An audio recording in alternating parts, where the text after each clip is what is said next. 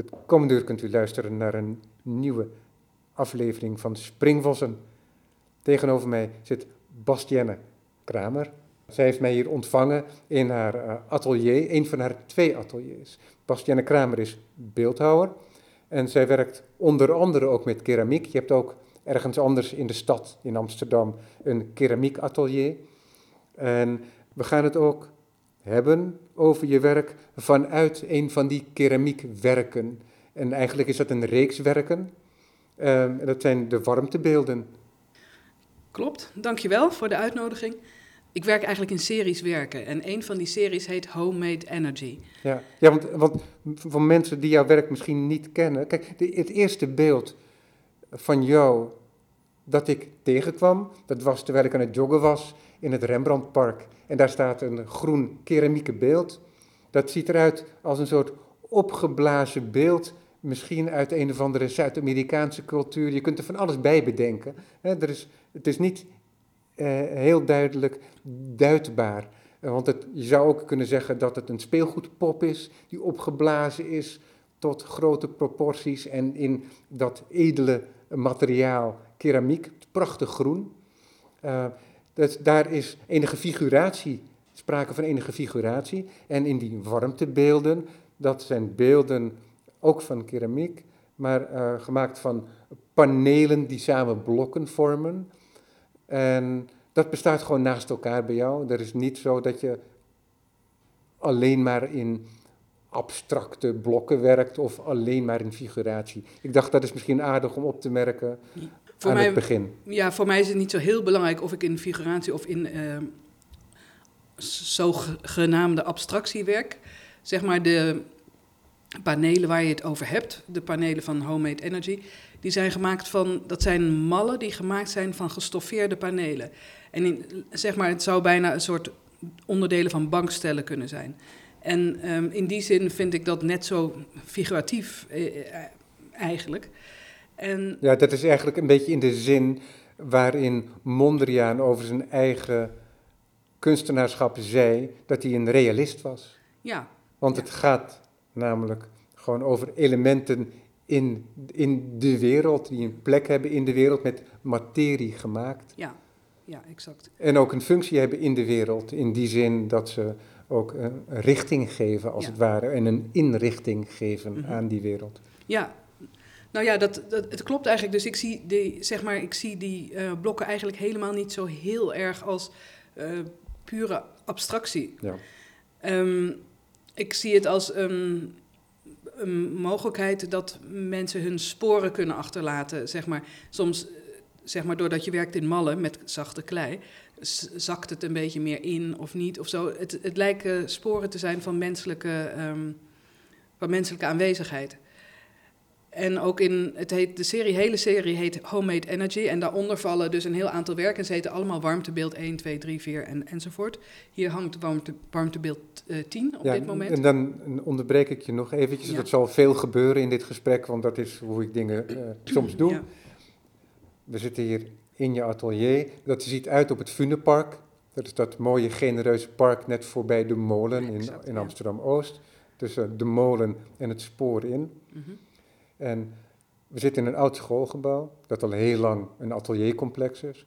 En boven, in de hoog, bovenste ramen, waren traditioneel de kantelramen, heb jij eh, drie van die blokken, van die keramieke blokken bevestigd. Wij kijken tegen de achterkant aan en de achterkant is gedeeltelijk opengelaten, waardoor we daglicht zien door, eh, doordringen. En dan zien we nog net ook het armatuur van het, de, van het licht, want je kunt ook het licht aandoen, zodat het ook s'avonds licht geeft. En nu wordt het aangeschenen door de zon. En dan zie je twee van die, of drie van die mooie, bijna neongele blokken. Ja. Nou moet ik zeggen dat in dit geval is het dus epoxy. Ach, ja, natuurlijk. En niet, um, ja. en niet keramiek, want keramiek zou niet zo transparant kunnen zijn. Niet zo transparant kunnen zijn en dan zou er ook een andere constructie uh, nodig zijn. En dan spreek je over andere gewichten. Exact. Ja. Dus dit is van epoxy gemaakt, met glasvezel versterkt. En er zit inderdaad een uh, ledlamp in die um, die heel zacht aanstaat. En zeg maar, zodra het donker gaat worden, zie je op een gegeven moment is er een moment van: zie ik nou licht erin of niet? Overdag is het, er zit fluoriserend pigment in. Dus overdag is het fluoriserend. S'avonds wordt het steeds transparanter en dan zie je ook de maaksporen van het werk. Dan zie je ook ja, hoe dat glasvezelmat in de mal gelegd is. En, uh, ja, dat heeft een bepaalde onregelmatigheid ja, ook. Het heeft ook een, ja. het is dan opeens niet meer zo'n industrieel-achtig uh, object. Het, en het krijgt ook iets tussen schilderkunst en beeldhouwkunst in. Het heeft een soort schilderachtige kwaliteit dan. En er staan teksten op. En het het was een opdracht van Welcome Stranger. En Welcome Stranger, uh, Stichting Welcome Stranger, die vraagt normaal gesproken mensen, kunstenaars, om werk te maken in huizen of in hun eigen huis of in andermans huizen. En ik heb daar eerder al meegedaan. Het bestaat eigenlijk al heel lang. Het bestaat sinds um, ehm, 1991, denk ik. En, um, en nu hebben ze dit jaar weer een project gedaan met vier kunstenaars in de stad. En ze hebben gevraagd om nu een werk aan de buitenkant van je huis te maken. Van, uh, en daar heb ik dit werk voor gemaakt. En het moest enigszins met corona te maken hebben. Dus deze blokken die hebben dus ook een huidprint. Ze zijn gemaakt van kunstleer en daarvan heb ik een mal gemaakt. En daarop staan teksten die uh, relateren aan, uh, aan de gevoelens of aan het lichaam of aan um, die te maken hebben met deze lockdown. Maar het is, het is een vrij lichte vorm van um, referentie aan die lockdown. En het gaat ook weer over het uitstralen van energie. Dus overdag fluoriseert het, s'nachts is er licht in en als het helemaal donker is, dan blijven alleen de uh, glow-in-the-dark letters over op de blokken, die um, dan nog dat opgeslagen licht reflecteren. Ik moet er eerlijk bij zeggen dat het um, omgevingslicht hier te sterk is, dus dat... Um, dat aspect, Valt een beetje weg. Nou, dat aspect zal in een andere tentoonstellingssituatie te zien zijn, maar niet in deze. Ja, ja. Waar is dat begonnen, die reeks warmtewerken? Nou, de reeks warmtewerken is eigenlijk. Je had het over het werk. Um, ja, het is, het is eigenlijk begonnen met een. Nou, de reeks warmtewerken komt eigenlijk vanuit um, oude uh, herinneringen van mezelf. Bijvoorbeeld, um, als je, toen wij wel eens vroeger als kind gingen we dan naar Zwitserland en dan bleek daar in de kamer een blok te staan. En dat blok, dat was warm. En dat was een, helemaal niet keramisch blok, maar het was een gestuukt blok in dit, in dit geval. En het was een kacheloven. En dat, dat dus, zijn het, het soort kachels dat dan in de gang wordt gestookt, bijvoorbeeld, nou, ja, en waar je dan keuken. op kunt zitten. In de keuken stook je het fornuis ja. en dan ga je erop koken. En dan verdeelt de warmte zich door het hele huis heen naar die, naar die blokken die daar in de kamer staan. Ja. En als kind weet ik nog te herinneren dat er kleine ruimte was tussen het blok en het plafond. En daar, daar kropen wij dan op en dan kon je erop liggen en het was warm. Ja, dan lag je daar eigenlijk als een, als een soort poes bovenop, ja, en bovenop de radiator. En, ik vond, en het was heel mysterieus, want je wist ook niet waar die warmte vandaan kwam eigenlijk. Van, het was gewoon een warm blok. Gewoon, en later kwam, kan ik me herinneren van, uh, vanuit een uh, situatie in... Uh, in Turkije, dat je dan naar een badhuis gaat en dat er dan een enorm marmeren blok is in het midden met daaroverheen een koepel. En ook dat marmeren blok is warm. Nou, dat is verwarmd en daar kan je dan op zitten of liggen en dan word je geschropt door iemand. En de, zeg maar die uh, ervaring van, dat fysiek, van het materiaal, wat fysieke energie uitstraalt eigenlijk. Die je echt met je lichaam kan waarnemen. Ook als je bijvoorbeeld een, een, keramisch iets stookt, een keramisch object, en je haalt het uit de oven, dan is die radiatie van, dat, van die warmte is nog steeds voelbaar. En eigenlijk um, is dat, met dat idee ben ik eigenlijk um, langzamerhand op die warmtebeelden uitgekomen. En, um, en daar heb ik heel, of, uh, en dat is zowel warmte als energie, dus licht of uh, sommige beelden zijn ook bedoeld om aan te raken. Het laatste, ene laatste beeld wat ik maakte, dat was in uh, een kunstvereniging Diepenheim. En daar heb je dus zo'n hele wand met um, een heel groot blok wat uit de hoek van een ruimte komt. Ja, prachtig werk inderdaad. Ja, en dat uh, is echt groot, heel monumentaal. En er steekt één kubus uit. En die kubus is verwarmd. En feitelijk is ook de bedoeling dat iedereen het, het, het aanraakt. En dus dat je die sporen van die aanraking ook gaat waarnemen op het werk. Alleen er staat niet bij dat het verwarmd is of zoiets. Uh, er zit wel een soort stekkertje aan, dus je denkt van, hè, stekkertje uit zo'n beeld. Maar dus het is met een elektrische draad verwarmd, en, maar dat doet er niet zoveel toe. En feitelijk um, is het de, de uitdaging, is, of de, de vraag is eigenlijk van raakt dit aan? Raakt dit dat is interessant ook, omdat er, het is niet eens een traditie, maar het is een gewoonte van mensen om met name wat oudere kunst in publieke ruimtes, in kerken en op pleinen, mooie beelden, om die toch aan te raken. Waardoor je vaak ziet dat op die aanrakingsplekken uh, de patina uh, geen kans heeft gekregen en het beeld hoog gepolijst is, of juist afhankelijk van het materiaal bijzonder uh, gesleten. Ja, nou ja, dat zie je in India natuurlijk ook. Al die heilige beelden die aangeraakt zijn, die eigenlijk geen gezicht meer over hebben. Dus in de eeuwen totaal weggesleten. En, um, nou ja, en dat idee vind, vind ik heel, um, ja, toch heel interessant. Van het, het, het, aanraken van een beeld is eigenlijk zo, um, zo essentieel op een bepaalde manier. Dat, Voor, als beeldhouwer is die tactiliteit ook, denk ik, gewoon iets van alle dag. Ja. dat is... Uh, het modelleren, hè, om, in, om een traditioneel woord te gebruiken dan. Ja. Hè, ook al, dat, daar maak jij dan ook gebruik van, want ik, er liggen hier allemaal ook gekneden beelden en zo hier op tafel van aardewerk. Vanuit een heel andere serie waar ik het ook nog een keer heel graag met je over wil hebben. Ook zo'n serie werken die in ontwikkeling is en verschillende presentatiestadia kent. Dus dat is ook wel eigen aan jouw manier van werken. Maar ook dat idee wat je net vertelde, dat als zo'n werk, keramisch werk uit de oven komt, en die warmte, dat maakt gewoon deel uit uh, van je praktijk. Dus wat je eigenlijk ook met ons deelt via die warmtewerk, is iets heel elementairs voor de keramist.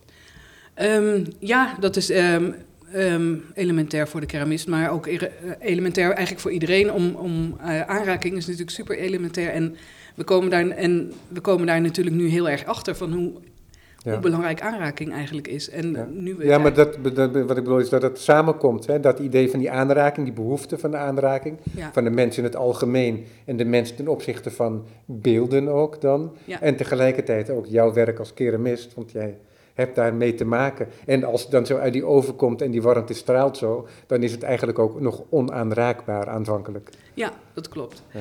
Nou ja, en zo ben ik gaan nadenken over veel meer vormen van energie. Een van de eerste tentoonstellingen met die warmtebeelden was een, uh, een, een, tentoonstelling in Berlijn. En dat heette um, in Oceaan, dat was een uh, expositieruimte. En die tentoonstelling was um, ehm, 24 uur per dag te zien. En er stonden drie van die blokachtige vormen in.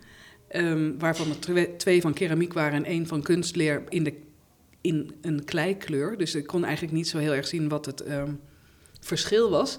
Zeg maar, de keramische werken leken eerder op een soort van.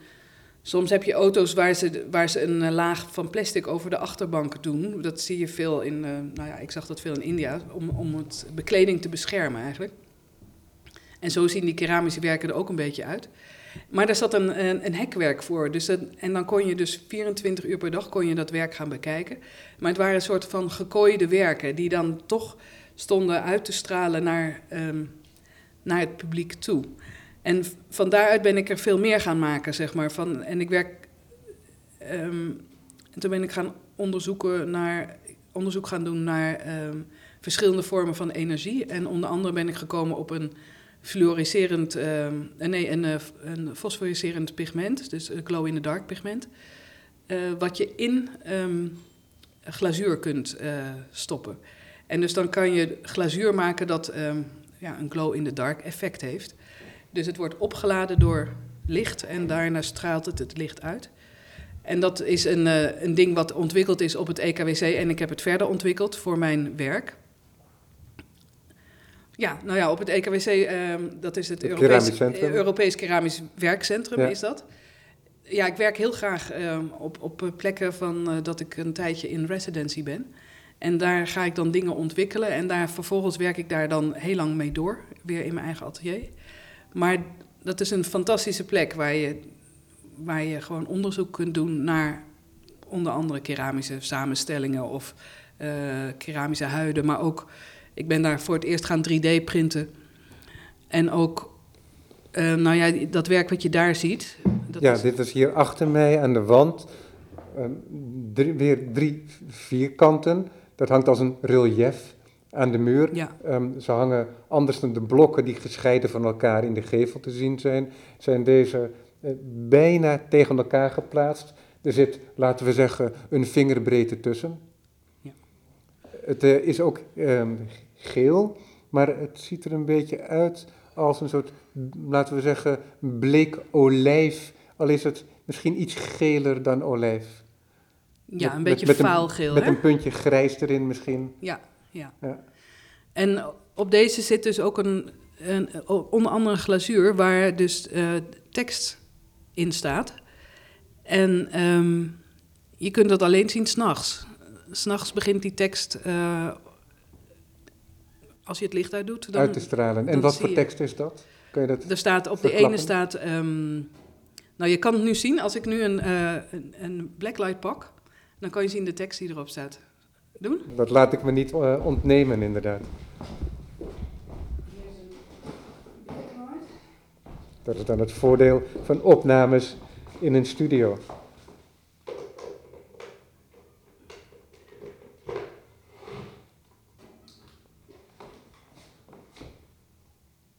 Kan je het zien? Even kijken. Hey, Lonely staat op deze. Oh ja, dat is, inderdaad, eh, dat is ongelooflijk hoe goed dat eh, zichtbaar is. Deze zie je vooral alleen maar een vlekje. Ja. En daar zie ik een, is inderdaad al van een afstandje oplicht een cirkel. Even kijken. Dit is Enlightenment. Enlightenment, ja. En, en zeg maar, daar, hier is dan het hele... Het hele kussen is dan fluoriserend en de tekst wordt Ja. dan zwart. Inderdaad.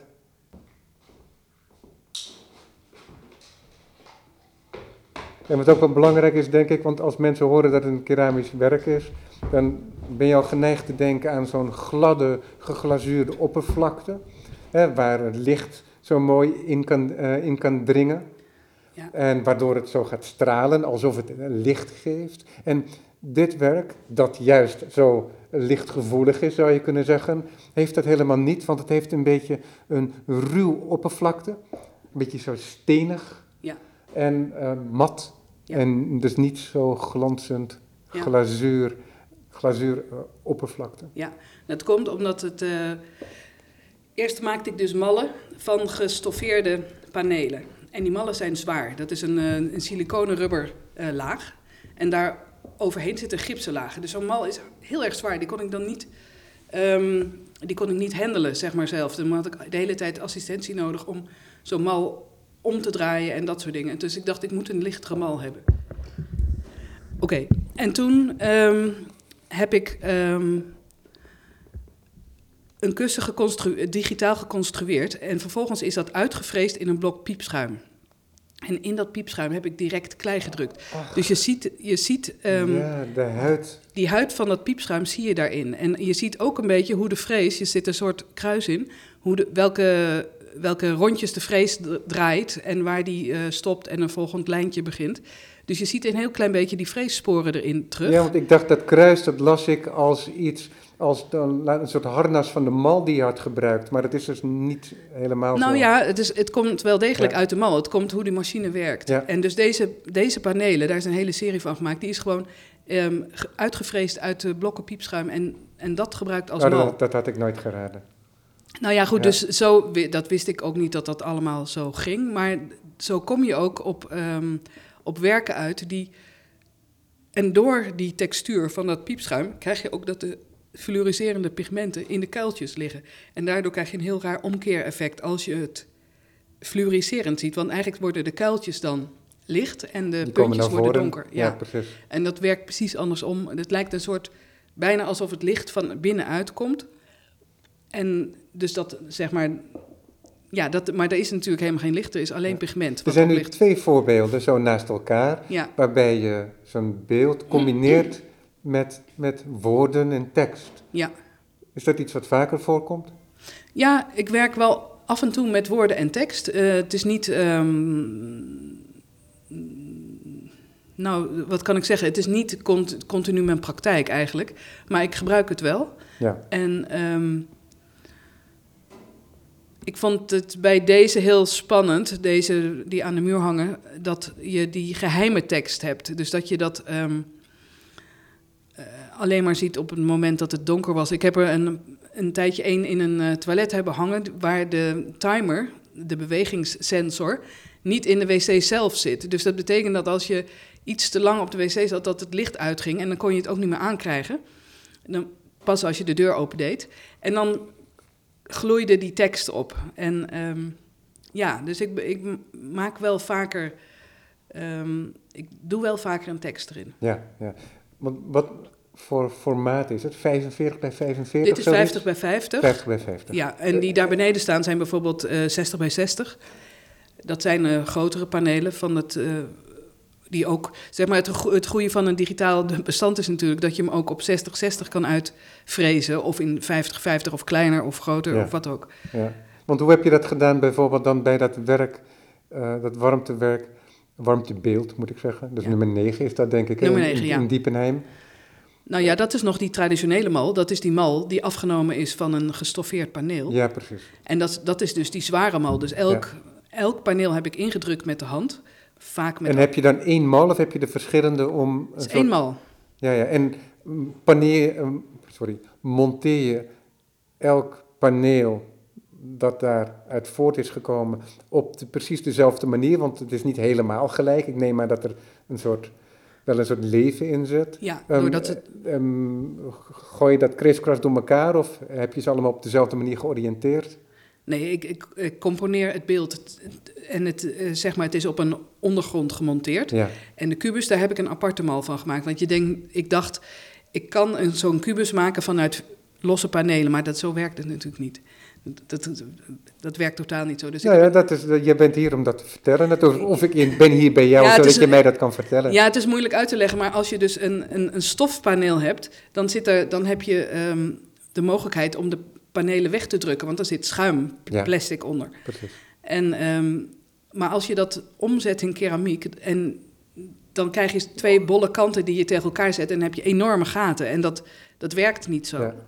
Dus toen heb ik een mal gemaakt van een hele gestoffeerde kubus. En daarin heb ik dan deze gemaakt en ook die andere. Ja, ja want, het, want het mooie is dat je, dan onderbreek ik je nu zo eventjes, ja. maar dat, dat beeld, en dat is wel heel belangrijk, dat als je dat ziet, en ik heb dat alleen maar op foto gezien, maar dat ziet er zo zacht uit, dat het bijna uitnodigt om je er tegenaan te vleien. Hè? Zo rechtstandig. Ja, ja. Eh, terwijl het van keramiek is gemaakt. Ja, ja dat, dat merk je natuurlijk ook als je het aanraakt, dat het heel hard is. Ja. Keramiek wordt natuurlijk... Maar je hebt ook vrij zachte kleuren, ja. hè? want je zou kunnen zeggen dat je... Dus je hebt daar ook werk van gemaakt, wil ik maar zeggen. Ja. Want je kunt het ook inderdaad zo'n een, een, een, harde keramische uitstraling geven, zoals je beeld in het Rembrandtpark, wat ja. daar uh, staat, staat te stralen. Ja. Dus daar speel je ook op in, in, in die zin. Hè? Dus daar nodig je ook al uit middels de stofuitdrukking waar je voor gekozen hebt, tot die aanraking. Ja, nou ja, dat, dat, uh, dat warmtebeeld nummer 9, dat, dat grote beeld, dat is um, dan geglazuurd met een uh, terra sigillata en, dat, en in, in een soort hele zachte, grijzige kleuren. En het ziet een beetje uit als een jaren 50 auto-achtig, um, zeg maar, dat soort kleurpalet is het. En... Um, en terra sigillata is een oude techniek, een Romeinse techniek, die, die een hele dunne laag op iets zet. Dus je ziet, zeg maar, de, je, je vingerafdruk, kan je, is, kan je er nog... Sigillata, dat, komt van, dat is ons woord zegel ook, neem ik aan. Dus dat het een verzegeling is. Ja, ja. En het is een, uh, het is een hele, hele dunne laag die je erop zet, in kleur. En dus je ziet, je ziet elk detail. Dus je ziet het detail van het leer, van het kunstleer. Je ziet zelfs de vingerafdruk van, zou je kunnen zien. En dus dat, eh, dat is een. Uh, ik gebruik vaak in werken oude technieken, bijvoorbeeld in het uh, werken in het Rembrandtspark, heb ik dan toch een zo'n. Um, je zegt het heeft iets Zuid-Amerikaans, ja, maar het is eigenlijk de Friese kersnede die erop zit. Ik heb... Ja, want ik, moet, want ik moest ook denken aan mijn vader, die, komt uit, uh, die is geboren op Marken. Ja, ja. En daar maakten ze van die houtsneewerken. Ja. En we hebben zo'n, ik weet, ik weet niet eens hoe dat heet, dus ik ken je eigen cultuur zou je zeggen. Maar um, mijn vader had ook zo'n houten plank als het ware. Ja. En waarin de bovenkant uh, een soort bloemvorm is gemaakt. En dat lijkt heel erg op het hoofd uh, van het beeld. Ja, ja, ja. Hebt. ja, klopt. Nou ja, dus ik gebruik heel vaak um, historische technieken die ik dan vind en die pas ik toe in een hedendaagse context. Dus, um, nou ja, en dat doe je natuurlijk de hele tijd met. Um, nou, dat doe je natuurlijk wel vaker met. in kunst, zeg maar. Maar ik zoek dus ex, ik zoek expliciet zoek ik die technieken op.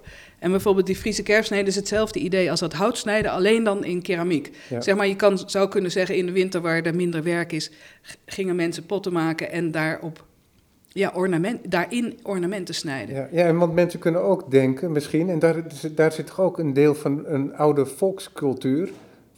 Het Meertens Instituut zal ons er meer over kunnen vertellen. Want dat komt ook nog terug in bijvoorbeeld tai-tai-poppen. In ieder geval in West-Friesland. Ik weet niet of, het, of het ook elders bestaat. Waarin je inderdaad popvormen hebt in een soort mallen gegoten. Die ja, dat soort primitieve uh, representaties bieden. Ja, nou ja, dat, die volkscultuur vind ik ook, ook heel spannend om dan zo om mee te werken. En um, dus dat, dat gaat zo af en aan. En ik probeer die altijd in andere contexten te, te zetten. En je zou kunnen zeggen dat die ornamentatie zou je. Um, ornamenten verenigen eigenlijk culturen. Hè? Want jij zegt het is Zuid-Amerikaans, andere mensen zeggen het is Indiaas, maar het is Fries. Um, ja, en, en, en wat betekent het dat het Fries is? Want Friesland is ook niet geïsoleerd geweest in de wereld. Natuurlijk niet. Maar, zeg maar daar heb ik het toevallig uitgehaald. En ze zijn dan enorm vergroot. En sommige uh, ornamenten zijn dan wieldoppen van auto's. Dus, uh, dus dat is zeg maar waar ik, waar je de, de, waar ik de inspiratie vandaan haal, is, is van, ja, vanuit allerlei hoeken. En zeg maar door die ornamenten luk, lukraak op dat beeld te plaatsen, of niet lukraak, maar gecomponeerd op het beeld te plaatsen, um, krijg je een totaal andere betekenis als, als de, wat het oorspronkelijke ding was. En daarvoor gebruik ik dan dat glanzende groene glazuur, wat ook oorspronkelijk ook gebruikt werd in die um, Friese kerfsneden dan. Ah, kijk. Ja, ja. Ja, en zo, zo zoek ik naar um, combinaties van vorm en techniek. En het, ik haal het eigenlijk allemaal ergens uit de wereld. Ja. En voor mij is dat het gebruik van een terrasigilator op zo'n... Uh, want hier zit behalve een fluorescerend glazuur ook een terrasigilator op. Ja, dus nu verwijs je weer naar... Ja, naar, ja sorry, het springt heen en weer. Naar dat driedelige uh, keramische relief waar we het zojuist over hadden. Dat hier achter mij aan de wand te zien is. Ja, nou ja, die, die soort technieken probeer ik allemaal in nieuwe contexten te plaatsen. En um, ja, zo, zo eigenlijk. Ja, ja, dus je hebt niet één manier van werken. Dus zelfs in die warmte werken is het niet zo dat dat elke keer een andere vorm is met precies hetzelfde procedé. Nee, het is eigenlijk eh, de hele tijd anders en uh, de hele tijd andere. En op een gegeven moment houdt het werk misschien op, maar deze is van 2021, deze is van 2019, denk ik. Ja, dus de, het relief hier 2019 en die hierboven, die is dus recenter. Ja, die heb ik dit jaar gemaakt. Ja. En, um, en zo uh, ga ik de hele tijd door met bepaalde thema's in lange series werk. Bijvoorbeeld de warmtebeelden ben ik begonnen, ik denk in uh, eh, 2007 al. En die lopen door tot aan nu. En daar ontstaan de hele tijd nieuwe, ja, bijna een, een nieuwe offspring, eh, hoe, noem je dat? Een nieuw takje aan. Ja, nieuwe vertakkingen. Ja, nieuwe vertakking aan het werk. En dat geldt eigenlijk voor andere series ook, waar bijvoorbeeld dat werk van Rembo in het Rembrandtspark, daar, dat is nu, dat hele folkloristisch, dat is nu een beetje gestopt. Maar ik sluit niet uit dat ik daar uh, weer eens een keer, dat het weer een keer opneem. Is het ook waarin zo dat er een soort kruising ontstaat tussen reeksen? Want je hebt die warmtewerken bijvoorbeeld. Uh, we hebben hier achter jou, ik zie jouw hoofd in een wolk van uh, Venussen. Ja. Uit de hele geschiedenis van de mensheid, maar ook met denk ik, recente representaties ervan. Ja. Dat is een langdurig onderzoek waarmee je al werk hebt gemaakt, waarmee je nog werk gaat maken. Ja. Dat duurt voort. Daar liggen hier ook nog eh, keramische modellen van hier naast mij, naast, tussen ons in eigenlijk, op de tafel, tussen de microfoons. Mm Maar gebeurt het ook wel eens dat je bijvoorbeeld met die warmtebeelden bezig bent en dat er dan een heel ander, andere tak om dat woord dan te gebruiken wat zojuist op tafel is gekomen, raakt. Um, ja, dat gebeurt wel. Zeg maar, de eerste warmtebeelden die hadden eigenlijk diezelfde soort ornamenten als, um, als, dat, als die op Rembo, Rembo staan. Die Friese kerstsnede-ornamenten. Dat, de, die, de eerste warmtebeelden waren tegels, vrij kleine tegels, die ook allemaal die ornamentatie hadden in combinatie met um, hoofden, zeg maar. Ach, wat interessant. Ja, Dus, dus dat zat veel, eh, veel dichter in de folkloristische hoek. Absoluut. En inderdaad in het idee van de tegel. Ja, en langzamerhand ben ik dan toch meer overgegaan op dat gestoffeerde. Waar ik overigens ook werken mee heb gemaakt... die puur en alleen gestoffeerd zijn van kunstleer.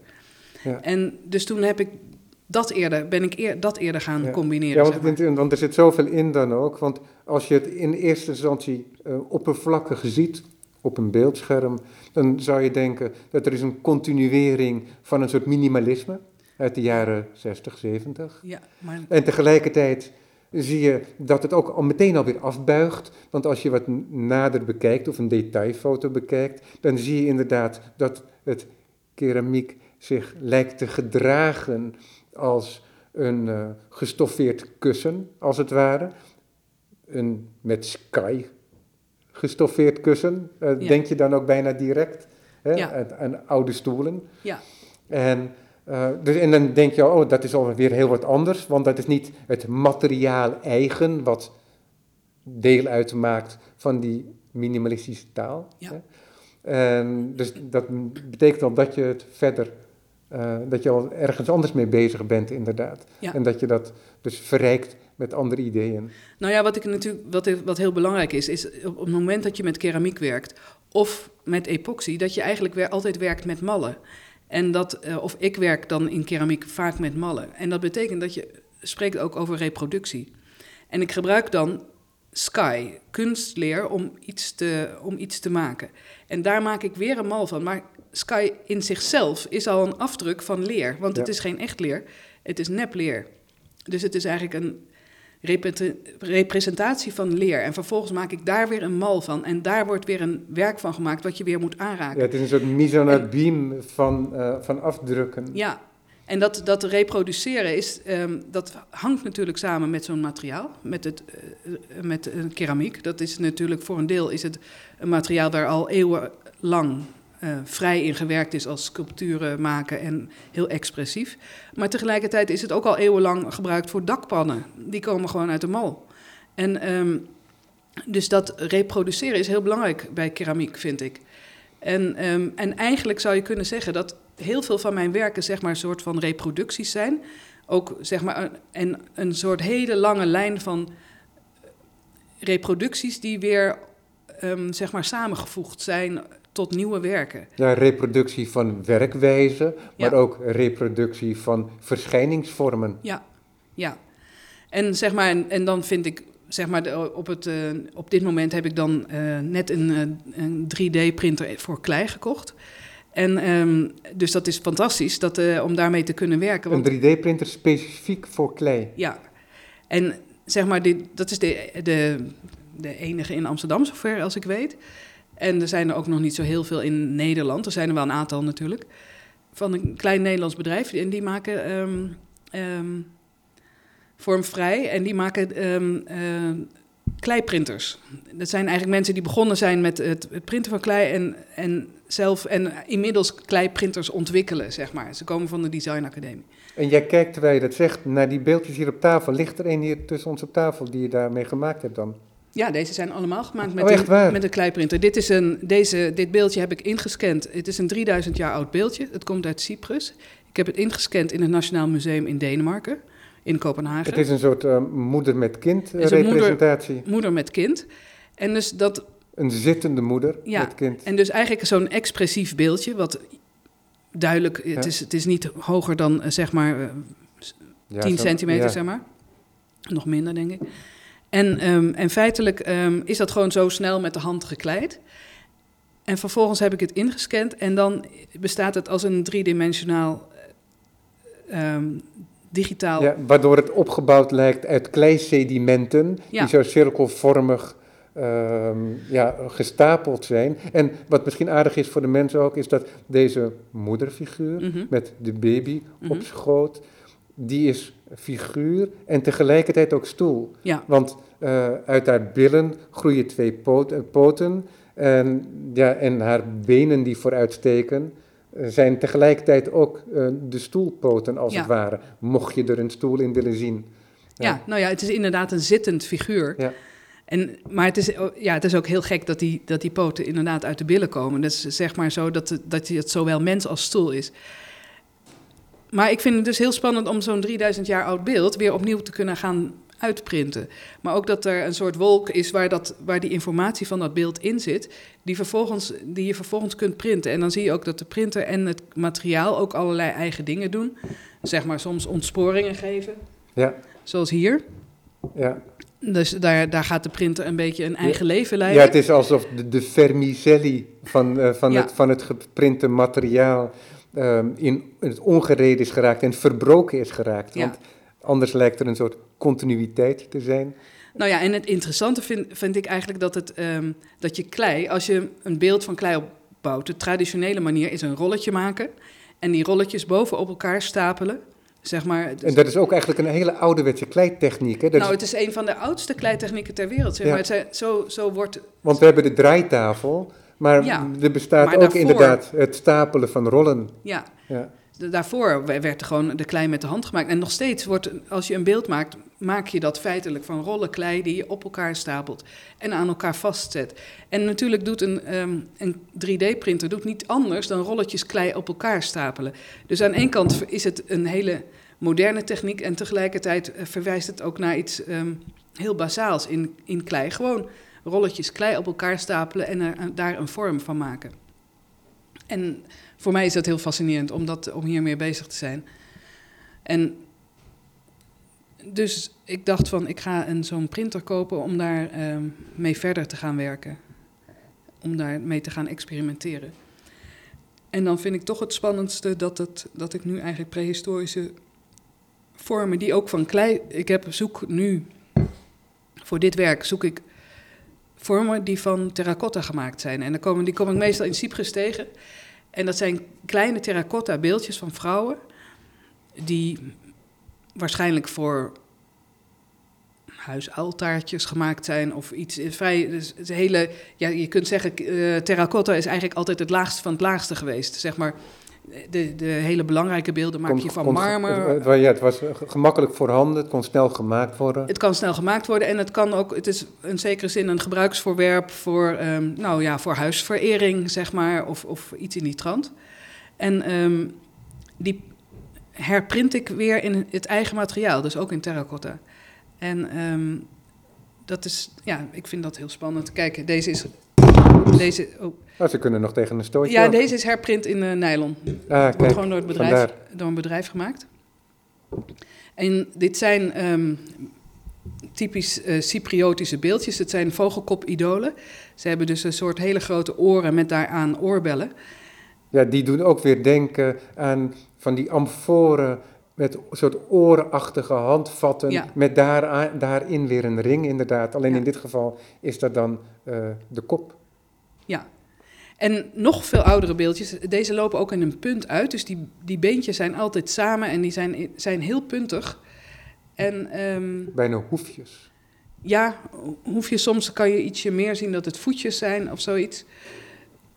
En die um, prehistorische beeldjes lopen allemaal bijna in een punt uit. Ja. Ik weet niet precies waarom dat is, maar... Ehm, ja, misschien ter benadrukking uh, van uh, de heupen en de buik en het idee van het baren misschien en de, vrucht, ja. en de vruchtbaarheid. Ja. ja. Vermoedelijk, toch? Eh, geen idee. Of ze, misschien kunnen ze ook gewoon in het zand gezet worden. Zeg ja, maar precies. Ja, want, wat ook heel frappant is, want en dat is wel Zoals belangrijk. een amfora kan je ook in het want, zand zetten wij, wij, hebben het er nu over. Het zijn woorden en die woorden die vervliegen weer. Maar terwijl ik met je zit te praten, pak jij al die beelden vast. Ja. Hè? En dat amfora-achtige beeld waar we het zojuist over hebben, ja. met die kop, met die handvatten en die ringen die daarin ja. steken, die passen ook zo heel mooi in de holte van je hand alsof ze daarvoor ook gemaakt zijn. Ja, en waarschijnlijk zijn ze daarvoor gemaakt. Ze zijn ook. Um, ze zijn ook. Kijk, dit is het originele formaat, 20 centimeter hoog, dus het is ja. vrij klein. Um, en deze heb ik de, laten uitprinten in een kleiner formaat. Dit is, uh, je kan dat bij bedrijven laten uitprinten. Ja, dat is twee derde van de maat ongeveer. Ja, ja. En dit is het ware grote. Dus, ja, die zittende figuur is dan ware grote. Ja, ja. ja. dus het is... Um, het zijn niet de grote, het zijn eigenlijk de huiselijke beelden die ik hier gebruik. Het zijn ook de, de kleine, onbeduidende objecten eigenlijk die ik, uit, die ik pak voor, de, voor dit werk. Om, ja, om iets mee te maken. Van... Ja, dus dit, dit is een fase in een werk. Nou, dit is eigenlijk een start van een werk. Ja, precies, maar de start van een werk wat al ergens een relatie heeft met een ander werk waar je, een serie werken waar je aan werkt. En dat zijn die Venussen waar ik zojuist melding van maak. Ja, nou ja, deze tekeningen die je hier aan de muur ziet, dat zijn, die, die ben ik eigenlijk in de eerste coronagolf begonnen. En die begon ik uh, uh, als kleurplaten voor. en um, dus die stuurde ik digitaal rond en dan konden mensen die uh, voor hun kinderen uitprinten en uh, inkleuren of zelf inkleuren. Ja. En dit zijn eigenlijk allemaal foto's die ik in musea gemaakt heb van, van objecten die ik interessant vind. Ja, ja. En dat zijn allemaal um, van prehistorisch, van zeg maar 40.000 jaar oud tot aan ongeveer uh, 3000 jaar oud. Uh, beeldjes die in Ja, want ik zie daar ook een soort, um, laten we zeggen, laat-klassicistische drie gratieën. Ja, helemaal centraal ja. in die wolk van beelden. Ja, klopt. En dat is dan de, de, dat is dan de oude zeg maar. Ja. Die is uh, Grieks eigenlijk. Zo'n Romeinse kopie waarschijnlijk. Ja. En, um, nou ja, en zoals je gezien hebt, zitten er af en toe ook um, aanstekers bij. En dat zijn aanstekers in de vorm van um, naakte vrouwen. Die, die je vroeger veel kon kopen, overal. Ja. Bastienne, en, het lijkt me goed om over dat werk in een ander stadium misschien een keer een apart gesprek te doen. Ja, Omdat prima. het zoveel implicaties heeft al. Ja. En dat is, misschien moeten we dat gewoon bewaren, denk ik dan. Maar het is wel leuk voor mensen om te beseffen inderdaad dat het allemaal naast elkaar bestaat. Die warmtebeelden, die, die relatie lijken te hebben en ook zeker hebben, maar daar houdt het niet op met dat minimalisme. Ja. En tegelijkertijd ja, de oudste vorm van um, beelden en keramiek en werken in klei. Ja, ja. Nou ja, het is eigenlijk een soort heel web van lijnen die de hele tijd uh, lijnen al, van, van, van mijn werk, die alle, de hele tijd lijnen naar elkaar maken. En bestaat het ook de hele tijd naast elkaar? En daarmee wil ik zeggen, werk je parallel aan die verschillende reeksen? Ja, ik werk parallel aan die verschillende reeksen. En soms stoppen reeksen voor een tijdje. En soms gaan ze ook weer door. Um, dus dat. Maar vaak hebben ze te maken met observaties die ik dan doe in musea of in het, in het dagelijks leven. Of uh, frappante uh, combinaties die ik zie. Of ja, daar komt eigenlijk het, het hele werk vandaan. Of oude herinneringen van mezelf, van de fysiekheid van een blok marmer. Um, ja, dat zijn. dus, dus het is wel heel vaak ook aan gerelateerd op een of andere manier aan het lichaam of aan de afbeelding van het lichaam, of aan de afdrukken die het lichaam. Is dat niet achterlaat. altijd zo? Dat denk ik wel, ja. Dat het heel vaak zo is. En helemaal, ik denk in de kunst is dat al heel snel het geval. Ja. Maar ik kan me voorstellen ook dat, dat, dat je met bepaalde presentaties, dat je dat verliest in een ander gesprek onlangs. Uh, noemde ik ook als voorbeeld die handbeeldjes die Willem de Koning maakte. Ja. En Willem de Koning is een schilder Ja. en die was op vakantie in Italië, Ik raakte niet bevriend met een beeldhouwer of was bevriend met een beeldhouwer. En hij mocht ook daar in dat atelier werken en begon met klei te werken. Daar is hij mee Mhm. doorgegaan. En ja, dat waren een soort schetsjes eigenlijk in klei. Ja. Heel klein, zo Ja. groot als de kom van de hand, Ja. waar ik het zojuist over had ook. Dus met de duimen erin gedrukt en dergelijke. En die werken, die kennen wij veel groter. En die heeft hij laten uitvergroten door mensen die daarin gespecialiseerd zijn. Dat heeft hij niet zelf gedaan. In het Stedelijk Museum is in ieder geval één, ik denk meerdere van die beelden ook Mhm. te zien geweest. Maar waardoor zo'n duimafdruk opeens vuistgroot of ter grootte van een hoofd Ja. eh, bijna kan Ja. worden. ja. En dan raak je dat, die, die directe lichamelijke relatie, die raakt dan een beetje zoek. Die is nog steeds aanwezig, maar uitvergroot. Ja. En dus eigenlijk een soort surrealisme treedt er dan misschien ook op. Mhm. Maar aan de andere kant zijn uitvergrotingen heel normaal in die hele traditionele sculptuur, waar we het Ja. nu ook over hebben, hè, over de Ja. waar even aan gerefereerd is ook. Ja, ja. Nou ja, zeg maar dat, dat beeld Rembo in het Rembrandtspark, die, die heb ik natuurlijk ook zeg maar 20 centimeter hoog gemaakt. Ja, want die zie ik hier inderdaad naast een mooie wereldbol staan. En Ja. hij past bijna in het diameter van de wereldbol. Ja. Ja. En die is uitvergroot door een bedrijf. En vervolgens bellen ze je op na drie maanden, nou, het staat er. En dan werk ik er nog weer twee maanden aan om, tot- om het tot een beeld te maken. Ja. Omdat je ja, want je kunt het niet zomaar klakkeloos uitvergroten. Nou, je kunt het klakkeloos uitvergroten en dan is het nog steeds geen beeld. Ja, precies. En voor mij, voor- tenminste voor ik moest daar nog lang aan werken voordat ik dan het tot een beeld vond, vond worden, dat het een, echt een beeld is. Ehm, ik heb wel eens de, de- nou ja, dat neemt gewoon tijd. Dat, is, neem, ik, nou, we hebben nog twee maanden aan gewerkt. En dan werk je aan de buitenkant van het, zeg maar van de laatste 20 centimeter, 50 centimeter eventueel. Dan, dan verander je daar dingen aan en dan, en dan maak je het tot een beeld. Ja. En zo hebben natuurlijk heel veel beeldhouwers gewerkt. Ik ben wel eens de, de bronschieter van eh, eh, Henry Moore tegengekomen. Dus eh, die, ja, dan, dat besef je niet. Maar dat, die beelden zijn allemaal gemaakt door enorme ambachtslieden. Die een klein beeld hebben uitvergroot. En dan kwam hij ook langs en zei van nou een beetje hier dit en een beetje hier dat. Dus die kwam, ja, die kwam daar ook aan werken. Ja, en ja, dan werd ja. dat gegoten. Ja, en dat, is, en dat is iets wat wel vaker te sprake is gekomen hier voor deze microfoons. Is dat een werk zich niet zomaar laat uitvergroten. Hè? Nee, Want je kunt dat wel niet. doen, maar dan is het nog niet per definitie bezield. En dan noem ik keer op keer weer, en dat doe ik dan nu ook weer eventjes, dat voorbeeld van As I Opened Fire, hoe heet die man ook alweer, eh Liechtenstein. Ja, En Die dan Ja, ja, ja, gebruik, maakte van de tekening van een Mhm. cartoonist.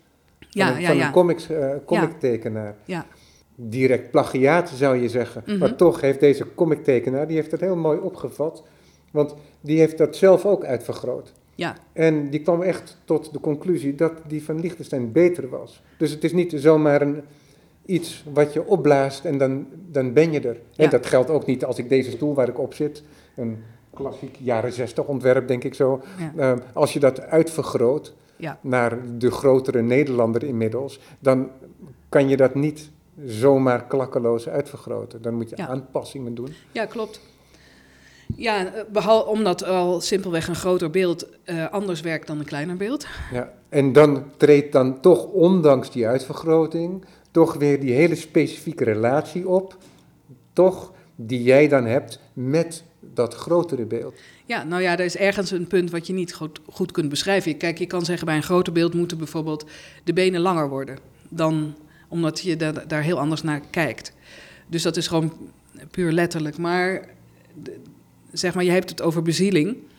Ja, feitelijk het werken Ja, aan... dat, is, weet je, dat zegt alles en niks natuurlijk, dat woord. Nou ja, het werken aan een beeld is, to- het is toch een gek, eh, een gek ding. Wanneer, dan, wanneer je het gevoel hebt van, nou, dit beeld is gewoon goed. En dit is, eh, ondanks dat het niks... Het is, het is niet... ehm, het is niet... ehm, er klopt geen enkele verhouding, geen enkele menselijke verhouding klopt in dat beeld. En ook dat beeld is eigenlijk bedoeld om heel veel dingen niet te zijn. Ehm, het gaat over het Rembrandts Parkbeeld. Dus het beeld is... ehm, ik wilde een beeld maken wat niet groot zou zijn, maar niet op zou vallen. Dus het is helemaal groen en het staat in een park. En Ja, tegelijkertijd Onder hele grote bomen. onder grote dus bomen. Nu beginnen die bomen uit te botten. En in de zomer staat het echt in de schaduw daar Ja. tussen de ruisende bladeren. Ja, dus ik wilde een groen beeld maken, een, een beeld wat zich een beetje verstopt. En ik wilde een beeld maken waarvan je niet zeker weet of het een mens is of niet. Eh, of het eh, een kind is of een volwassene. Of het een man of een vrouw is. Of het lacht of huilt. Of het, dus ik probeerde een, een beeld te maken wat heel open is voor iedereen die daar langs loopt. Want er komen ongelooflijk veel mensen langs. En eigenlijk bijna maandelijks laat iemand me weten dat hij dat beeld vaak ziet. En ehm, terwijl het er ook al heel lang staat. En, en dat is eigenlijk heel, heel bijzonder aan, aan zo'n beeld. Dat, En inderdaad, de helft van de mensen denkt dat het een man is, de andere helft denkt dat het een vrouw is. En het doet er eigenlijk niet toe, want het is natuurlijk gewoon een beeld. Ik ben wel eens op een tournee geweest van uh, kunstenaar Sarah van Lamsweerde. Ja. Ja, die dat... performance doet. En daarbij werd ik geblinddoekt. Ja. En um, dus ik, uh, kijk, ik wist dan toevallig wel waar ik was, omdat ik het beeld te goed kende. Ja. Maar dus dan moest ik het beeld als het ware ontdekken uh, op de tast. Ja. ja, dat is wel interessant dan, omdat uh, waar we helemaal net mee begonnen. Ik weet dat, dat zij dat gedaan heeft. Die ja. neiging hebben om beelden aan te raken en met beelden mag er dan ook vaak. Ja. Um, en dit beeld, dit specifieke beeld, we wijken nu helemaal af van die warmtebeelden, maar dat doet er niet zoveel toe. Ja. Maar dit specifieke beeld brengt ook iets anders tot uitdrukking in je werk. Kijk, beelden die krijgen al heel snel een bepaalde monumentaliteit. Ja. Um, als ze in steen zijn uitgehouwen, maar zeker ook met keramiek, want het zijn duurzame materialen. Maar jij, heb ik destijds, denk ik, bij de presentatie van het beeld, rond de presentatie van het beeld gelezen, had ook als idee dat dat beeld blootgesteld aan de elementen ook beschadigd kan raken, bijvoorbeeld door vorst. Ja.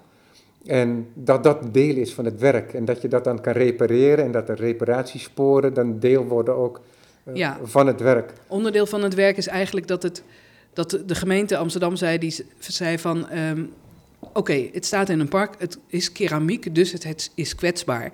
Nou, keramiek is natuurlijk niet zo kwetsbaar, want het is keihard. Het is echt, eh, Maar ja, je kunt er een chip afslaan, zeg maar. En het idee was dus eigenlijk om een oude Japanse reparatietechniek...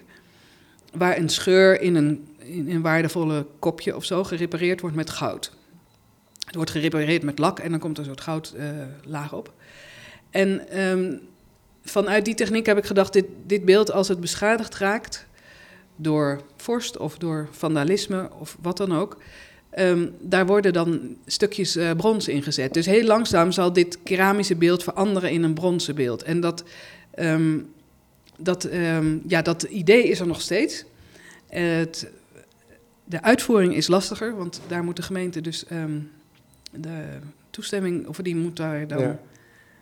Ja, de, de- het moet. Het is wel mooi om Er in- zijn kleine beschadigingen aan Ja. die eigenlijk niet zo heel erg opvallen, maar eigenlijk zou die. Die zijn eigenlijk deel van het werk. Ja, die moeten in, in brons eigenlijk Het eh, er gerepareerd worden. Ja, bestaat er een contract dat dat ook over 100 jaar nog gebeurt als wij er niet meer zijn? De- zou er zijn. is een afspraak gemaakt dat, dat die reparatie er zou zijn, maar ehm, dat het contract voor 100 jaar bestaat zeker niet. Nee, maar ik... weet je, Er, er is een afspraak dat het beeld gerepareerd zal worden in brons. En we zijn Ja. daar in dat proces daarmee. Ja, Want het doet ook een beetje denken aan, wat is dat? Het schip van Jason en de Argonauten. Dat- Die gaan op, op die zeereis Ja, en ehm, maken heel wat mee natuurlijk. En dat schip raakt, raakt beschadigd. En gaandeweg moeten er onderdelen vervangen worden. En als ze eenmaal teruggekeerd zijn met het schip, dat dezelfde naam draagt, is er geen enkel onderdeel van dat schip Ja. meer hetzelfde als het toen vertrok, omdat alles inmiddels vervangen is. ja, ja, ja, ja, exact, ja. Nou ja, zo is het dus. Dit, Ja. Dus zo'n veranderingsproces van materiaal vind ik heel interessant. Dat het, stel voor dat het over 100 jaar zou het helemaal van brons kunnen zijn.